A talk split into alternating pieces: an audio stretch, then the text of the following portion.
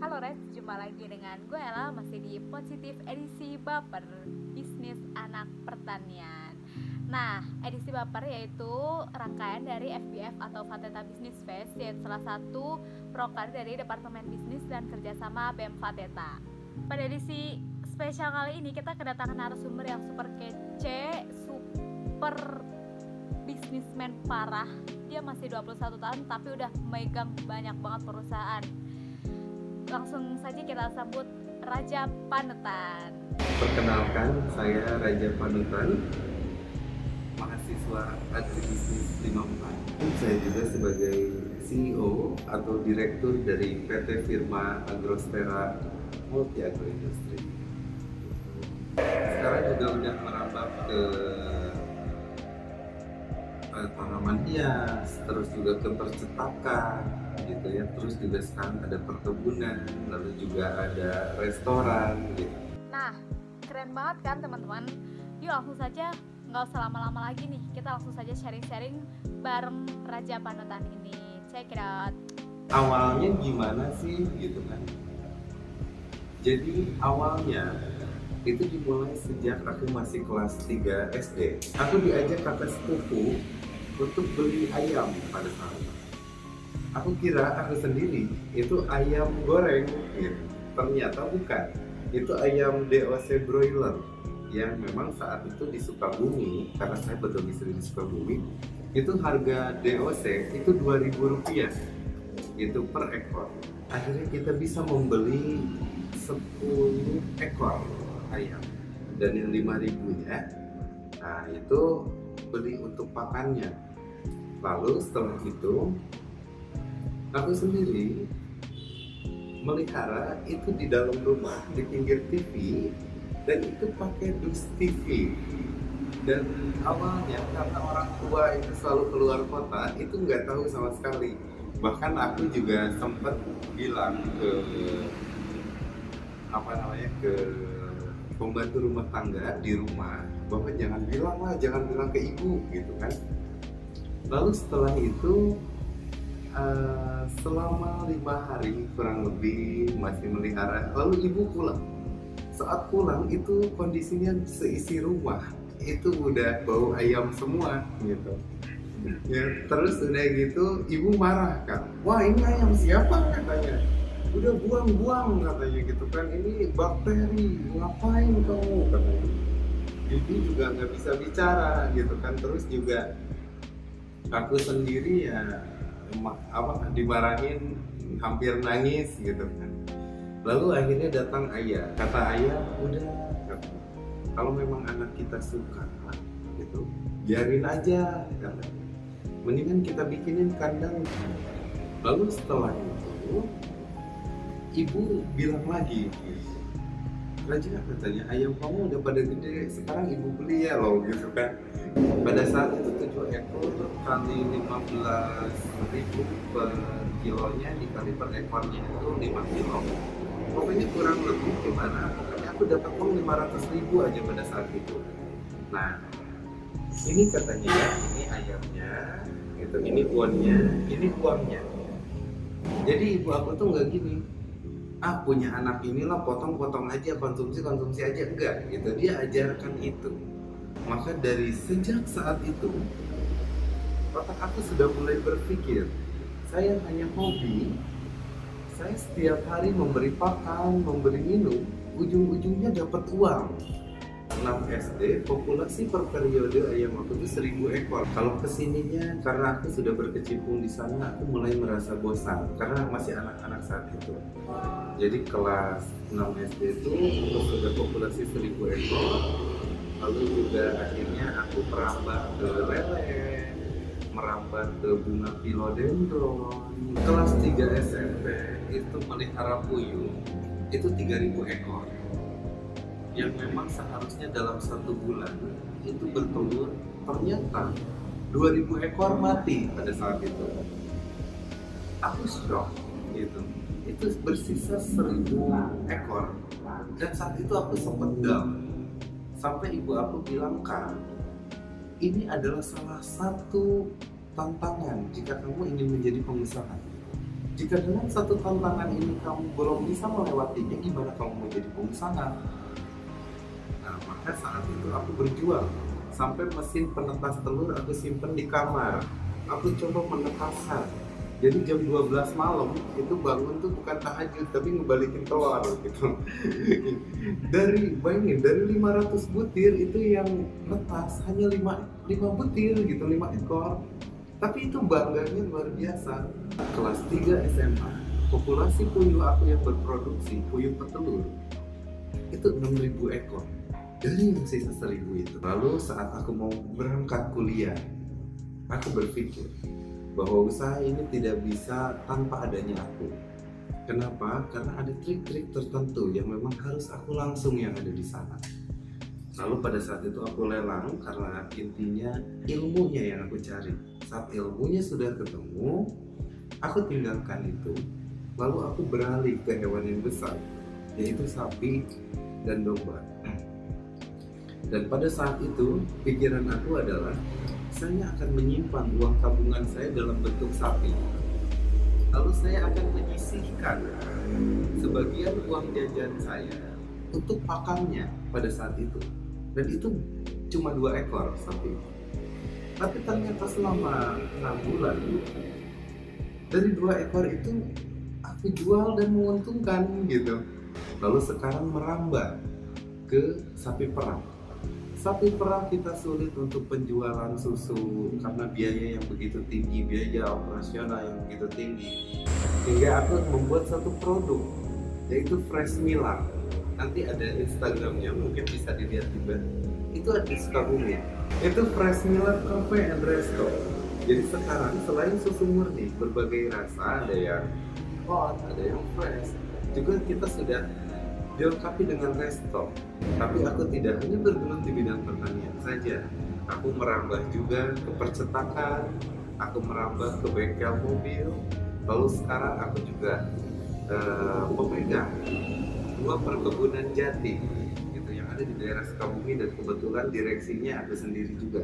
Itu ada di PT Kerjasari dan juga ada di PT Indah Bumi Plantasi dan juga di perusahaan ayah sendiri di Alas Wahana Estetika aku sendiri adalah uh, financial manager gitu.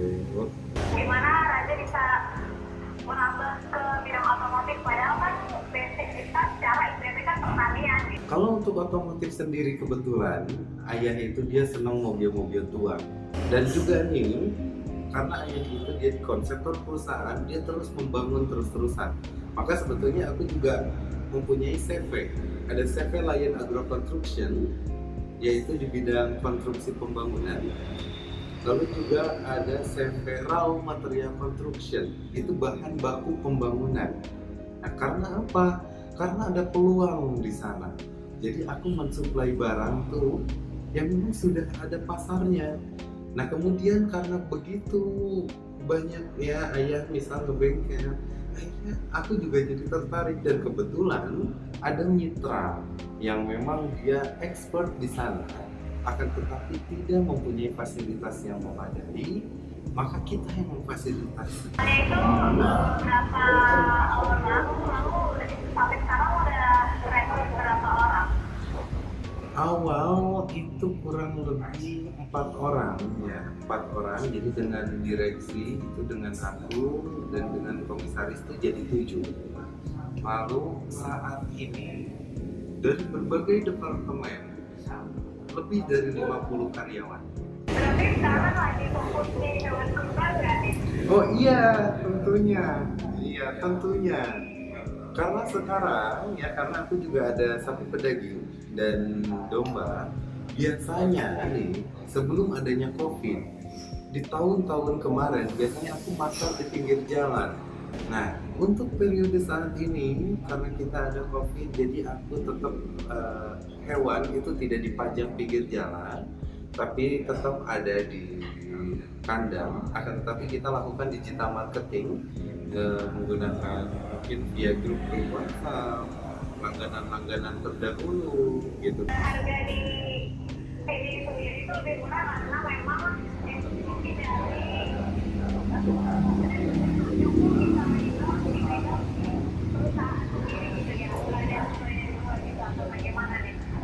karena pertama kita juga supply kalau di eh, mungkin kita ketahui bersama kalau di sapi itu ada bakalan ya gitu ada bakalan. Itu kita supply sapi bakalannya itu langsung. Eh, kita juga ada beberapa sapi lokal, ada beberapa sapi impor yang memang aku juga masuk ke dalam asosiasi peng- eh, pengusaha penggemukan sapi potong gitu. Maka aku mendapat supply yang dengan harga murah karena eh, kita juga skala besar ya dan juga berbadan hukum PT gitu hingga kita bisa mendapatkan harga yang spesial dan juga kita pemeliharaan yang intensif gitu ya yang optimal sehingga bisa menjual di harga yang begitu murah lah ya.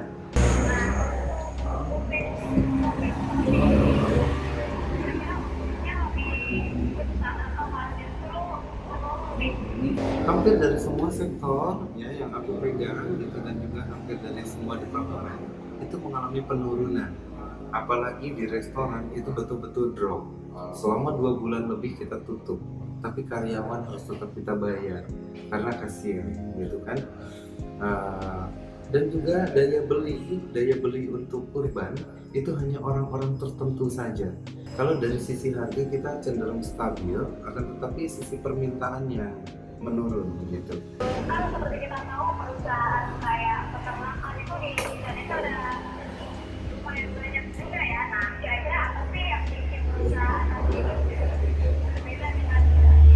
pembeda antara perusahaan PT Firma Grostera dengan yang lain itu karena pemiliknya masih muda ya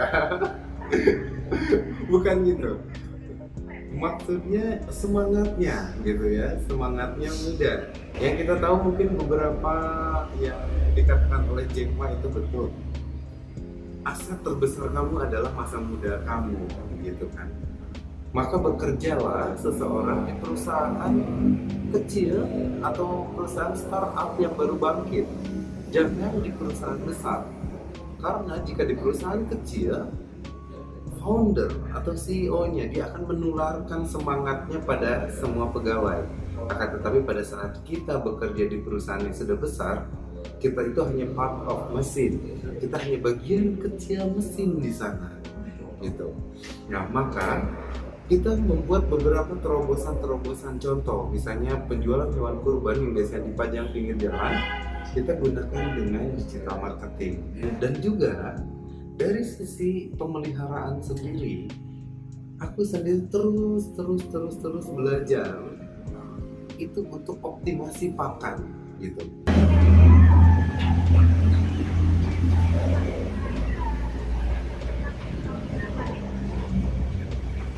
sejak tahun 2014 kalau tidak salah aku membuat tak ya membuat eh, akta PT yang memang tertera di dalam notaris gitu ya secara hukum gitu Gimana sih cara PT ini bertahan selama 6 tahun ini? Oke, yang pertama kita harus menseleksi orang-orang yang ada di dalam perusahaan. Pertama loyalitas yang sangat tinggi. Lalu kejujuran. Karena kita tahu kejujuran itu adalah mata uang yang berharga di mana-mana. Lalu juga karyawan yang nurut. Saat karyawan kita sudah loyal, itu apa pun yang mereka kerjakan itu akhirnya bernilai ibadah. Intinya kedekatan emosional kita dengan semua karyawan itu harus dijaga. Tidak hanya mereka dibayar oleh uang gitu. Akan tetapi dengan emosional, dengan atmosfer kerja yang baik itu membuat mereka nyaman dan akhirnya berdampak baik pada perusahaan.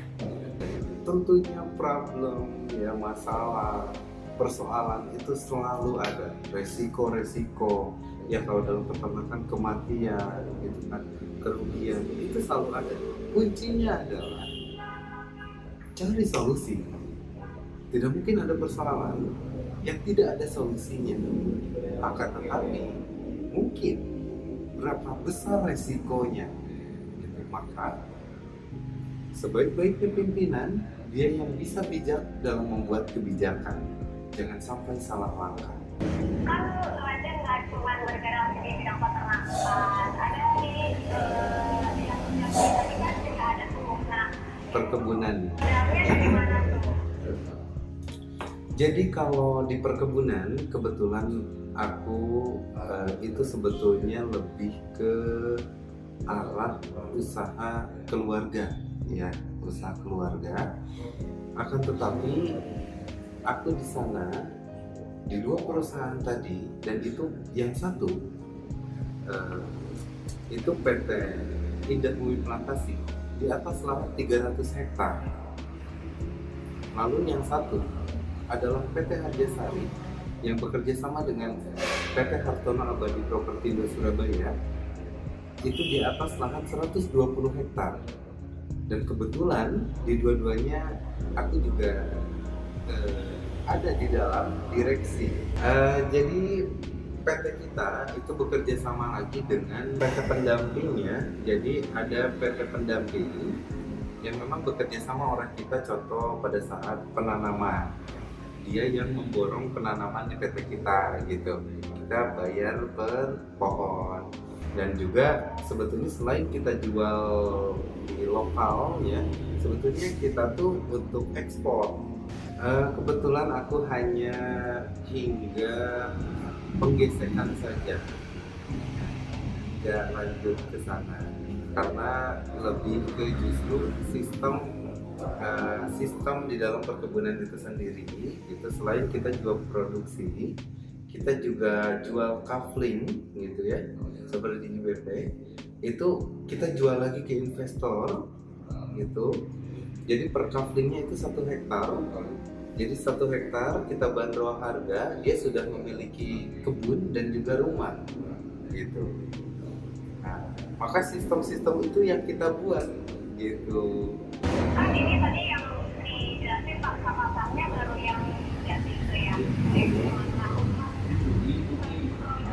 dari PT Sewa Persela pasar-pasarnya tuh udah sampai mana aja Eh, kalau untuk lele ya untuk divisi cultivation department itu sampai ke Parung ya di Bogor gitu. Lalu kalau sapi itu sampai ke Bogor juga, Cianjur ya Sukabumi. Ya. Lalu kalau eh, susu ya itu karena kita supply ke restoran sendiri. Lalu juga kalau untuk bunga philodendron itu sampai ke Lampung. Gitu. Lalu juga eh, sapi potong, ya oh iya tadi sudah sapi potong itu juga sampai ke ke Bogor, Sukabumi, Cianjur, gitu.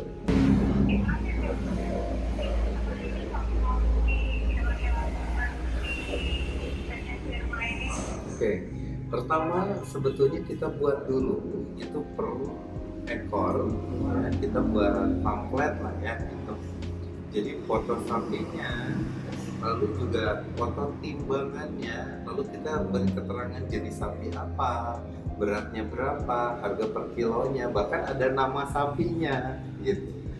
Ada nomor RT kode sapinya, kita cantumkan semua. Lalu kita sebar di berbagai sosial media.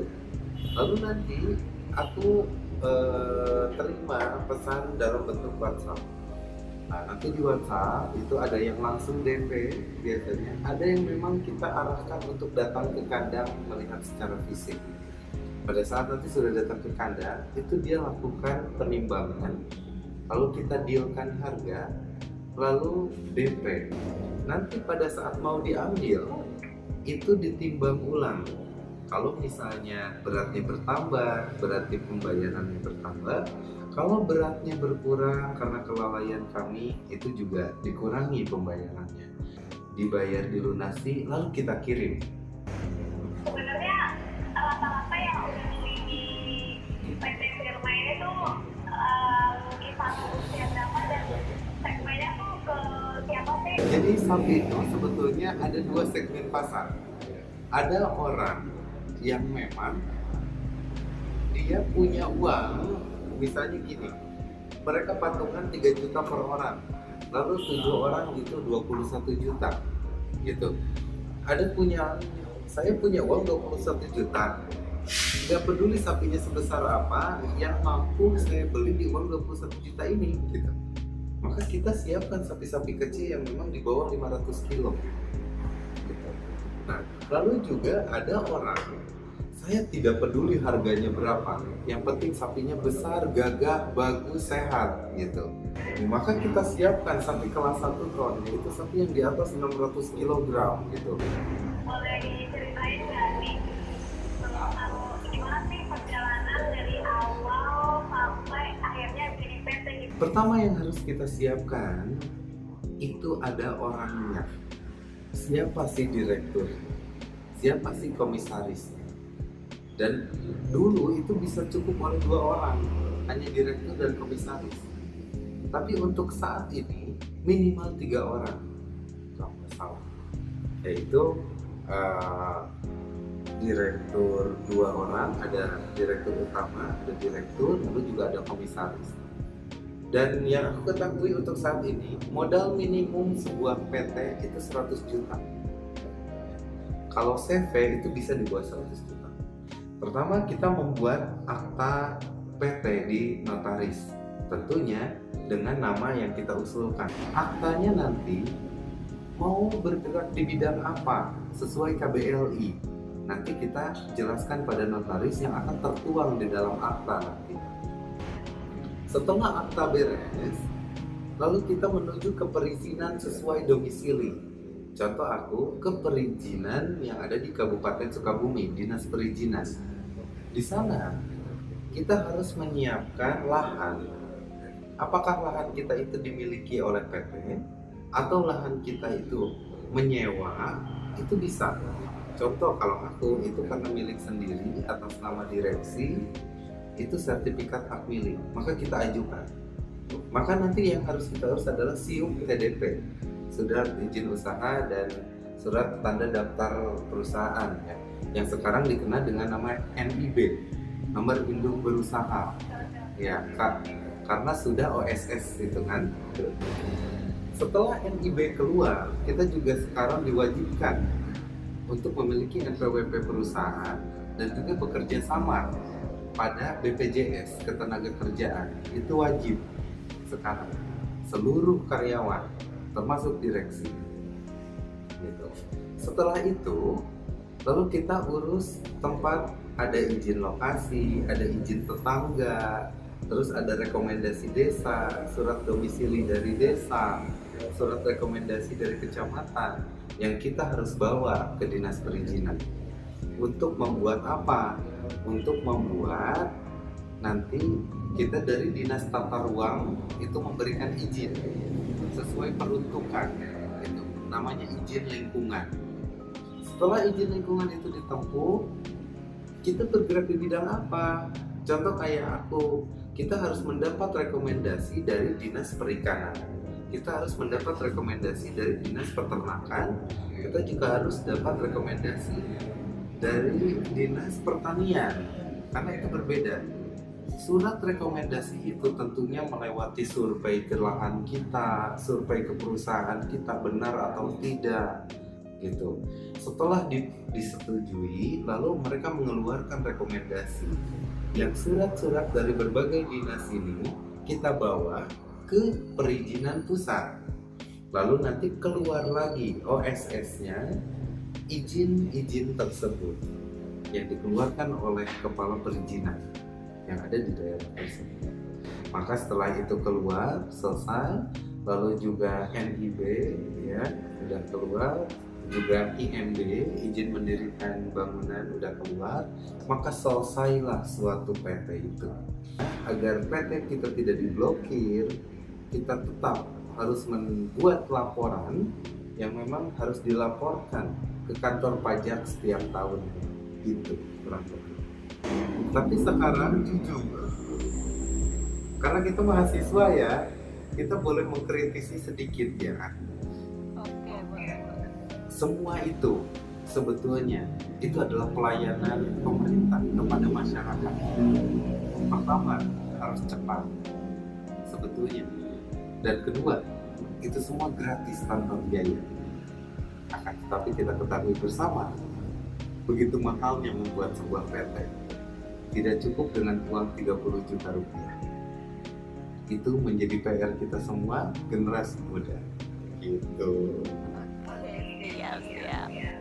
Kira-kira butuh waktu berapa lama nih untuk pengurusan PT sendiri? dari mulai pembuatan akta hingga selesai itu semua aku sendiri menempuh kurang lebih satu tahun Kan kita tadi udah ngobrol-ngobrol eh, panjang lebar nih. Mungkin Raja bisa kasih tips and trick nih untuk para pendengar setia positif nih. Gimana sih tips and trick biar bisa jadi bisnismen yang sukses seperti Raja ini? Waduh, oke mungkin terakhir aja dari aku. Pertama, kita jangan pernah mengeluh akan persoalan. Hadapi saja, karena nanti juga pasti akan ada solusi. Jika kita memikirkan sesuatu, bahkan kita sedang tidur sekalipun, otak kita terus bekerja memikirkan solusi, maka pasti akan ada solusi. Lalu yang kedua, do the best for ourselves.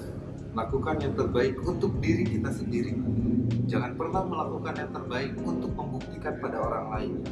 Karena jika kita ingin membuktikan pada orang lain, lalu saat kita gagal, kita akan malu. Tapi jika kita eh, membuktikan pada diri kita sendiri, pada saat kita gagal, orang lain tidak tahu. Mau berapa ribu kali gagal pun orang lain tidak tahu. Dan pada saat kita sukses, orang lain merasakan dampaknya. Nah, mungkin dari aku itu saja. sip. Mantap banget ya. Pokoknya do the best for yourself. Jangan buat orang lain gitu ya. Pokoknya untuk diri kita sendiri Untuk diri aja. kita sendiri. Oke, makasih banyak ya Raja udah mau sharing-sharing. Oke, gimana teman-teman? Udah dengerin banyak banget ya sharing bersama Raja Panutan di sesi kali ini lumayan mencengangkan juga ya ternyata masih 21 tahun tapi udah banyak banget megang perusahaan dan dia sendiri yang jadi direksinya kayak gitu ya. Nah, semoga sharing kita pada edisi kali ini bisa bermanfaat untuk teman-teman semua, bisa diambil pelajaran baiknya, bisa teman-teman ambil ilmunya. Dan apabila salah kata gue mohon maaf sebesar-besarnya baik yang disengaja maupun yang tidak disengaja. See you